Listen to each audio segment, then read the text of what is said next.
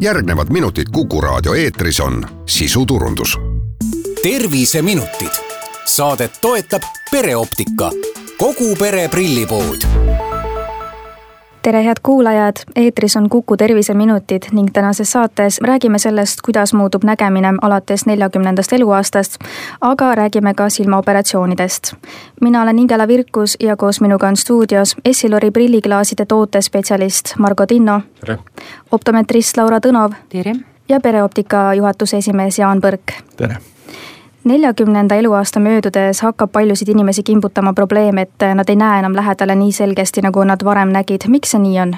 silma sees on silmalääts, mis muudab oma paksust, kui inimene vaatab kaugele, siis lääts on lamedam ja kui inimene vaatab lähedale, siis see lääts on kumeram. alates neljakümnendast eluaastast toimuvad silmaläätses ealised muutused, ehk siis silmalääts ei ole enam nii elastne, ehk siis ta muutub jäigemaks sellest tingitult tekibki siis nii-öelda vajadus lähiprilli järele. Aga see protsess on äh, praegu juba tulnud ettepoole, et äh, kui me nimetasime, et see alates neljakümnendast eluaastast, siis see digimaailm, mis meie ümber sinist valgust levitab ja sellist lähitööd suurendab, et see tegelikult on toonud selle vananemisprotsessi tegelikult nooremasse ikka kui nelikümmend räägime sellest sinisest valgusest natuke lähemalt, mis see on ja mida ta täpsemalt silmadega teeb?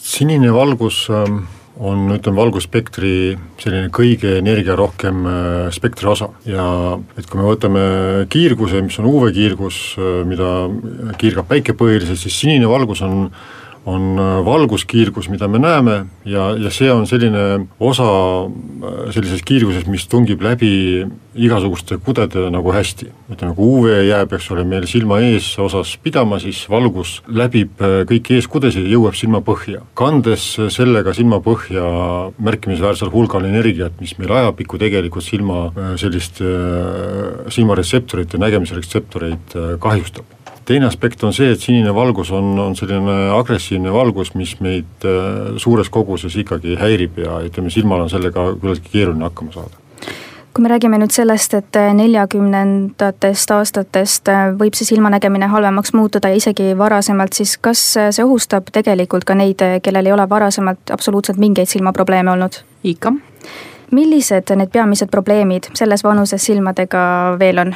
Pigem ongi sellised nii-öelda ealised protsessid, mis silmas äh, toimuvad. et alates neljakümnendatest äh, eluaastatest, eriti kui on selline esimene lugemisprill, siis see nägemine võib suhteliselt kiiresti muutuda. et siis selleks igal juhul tuleks olla valmis. ja seda ei saa kuidagi jah, nagu haiguseks nimetada, sellepärast et see protsess on äh, meie elu üks osa ja noh, kõik me teame sellist naljakat ütlemist, et käed jäävad lühikeseks, et tegelikult inimene selles eas siis viib oma lugemist vajava kas siis raamatu või, või teksti lihtsalt äh, kaugemale ja kaugemale, et saada seda selget pilti fokusseerida. Ja seda siis nimetatakse siis lühinägelikkuseks teinekord äh, vaevab inimesi lihtsalt näiteks töökeskkonnast äh, tulenev kuiv õhk ja silmade väsimus. mida saaks inimene ise selleks ära teha esmalt, et äh, oma silmi hoida? kindlasti üks lihtsamaid asju on see, et tehagi perioodiliselt arvutitöös pause, kus siis inimene vaatabki täiesti nii-öelda kaugusesse. ehk siis, kui on arvutiga töö, siis pausiks ei saa nimetada seda, kui nüüd see inimene läheb ja hakkab telefonis mingit asja vaatama, et pigem täiesti nii-öelda kaugele vaatamine. et kui ka on näiteks silm kuiv, siis võib kasutada silmatilku. kui tihti peaks aga täiskasvanu oma silmi kontrollida laskma?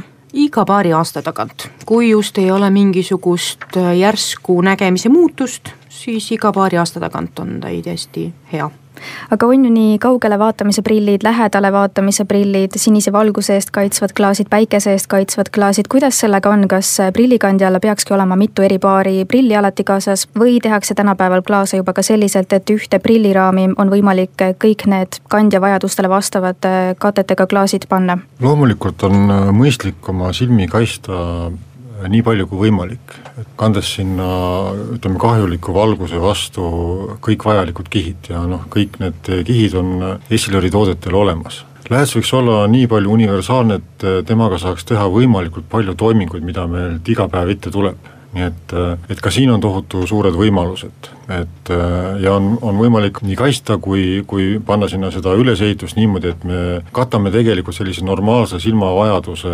igati ära aga väga tähtis on spetsialiseeruda, et kui inimene töötab kontoris, siis ta ei vaja selleks eh, eh, vaatamiseks nii laia vaatevälja ja mida väiksem on see tugevuste vahe ühe prilliklaasi sees, seda lihtsam on silmal töötada. Ja noh, omast kogemusest oskan öelda seda, et kui ma vajan ringi käimiseks nii-öelda progressiivset prilliklaasi ja see aitab mul absoluutselt kogu elu elada väga kvaliteetselt, siis kontorisse jõudes ja laua taha istudes ma panen spetsiaalse kontoriprilli ette, sellepärast et silmal on sellega palju mugavam töötada, kui ütleme, sellise tavaprilliga ja ja alati eh, soovitan eh, sellistesse kaugustesse, mis on pidevalt töös teha spetsiaalsed prillid juurde. aga kui tihti tuleks äh, prilliklaase vahetada? Prilliklaasi vahetus, äh, nii nagu ka eelnevate saadete puhul, on, sõltub sellest, et äh, milline see meie vajadus on. ja nüüd just selle eelneva jutu peale, see, et meil võib tekkida vajadus konkreetse mingi tegevuse järgi, et siis kas on sama, samas raamis vaja see klaasi ülesehitus ära muuta ja panna sinna teist tüüpi klaas, või kui see pind on ikkagi selline, et sealt ei ole enam mugav läbi näha, et ütleme, sellist konkreetset vahetamisvälpa on, on raske öelda, aga normaalsete kasutamiste puhul peaks paar aastat läätsed ikkagi vastu pidama. mina tooksin ühe naljaka näite, et inimesed peavad erinevatest olukordadest erinevalt aru saama. Ja, ja ma, kui üks tollitöötaja tuli ja ütles, et temal on vaja kindlasti lugemisprilli ja me tegime talle lugemisprilli ja kui ta prillid kätte sai ja ütles, et, et aga ma ei näe ju sellega midagi, me küsisime, et aga no mis siis on, ta ütles, et aga vot mul on sealt kaugelt seina pealt vaja lugeda, nii et juhtub niimoodi, et kui inimesed üksteisest aru ei saa, siis võime teha hoopis teise, teise asja kui nüüd aga mõni prillikandja otsustab, et äh, ta ei tahagi enam prille kanda, siis mis võimalused tal prillidest vabanemiseks äh, oleksid? on olemas hulgaliselt laseroperatsioone, et korrigeerida nägemist. et on olemas näiteks Smile, lasikoperatsioonid ja üle neljakümne aastastel inimestel pigem soovitatakse vahetada silmalääts kunstläätse vastu, mis on siis progresseeruv, millega näeb nii kaugele kui lähedale. ja samuti on ka võimalik soetada kontaktläätsed aga prillidest vabanemise protsess, operatsioon, taastumine ning tulemuse kestvus olenevad sellest, milline meetod valida, te natuke mainisite, aga äh, rääkige neist natuke lähemalt et räägin näiteks mõnest natuke uuemast laseroperatsioonist. et üks neist on näiteks femtolasik see on selline laserprotseduur, mille puhul lõigatakse laseriga silma sarvkesta ehk siis silma läbipaistvasse osasse väike lapike. Äh, lapikese all olevat sarvkesta keskmist osa silutakse, ehk siis sarvkesta kuju kumerus muutub. lapike pannakse silutud sarvkestale tagasi ja kinnitatakse, et äh, kui on sellised nii-öelda moodsamad protseduurid, siis enamasti on niimoodi, et esiteks nägemine taastub päris kiiresti ja silma nii-öelda tervis samuti kuskil nädala ajaga. aga on ka olemas igasuguseid vanemaid äh, laseroperatsioone, näiteks PRK, kus siis laseriga lihvitakse otseselt seda silma kõige välimist osa.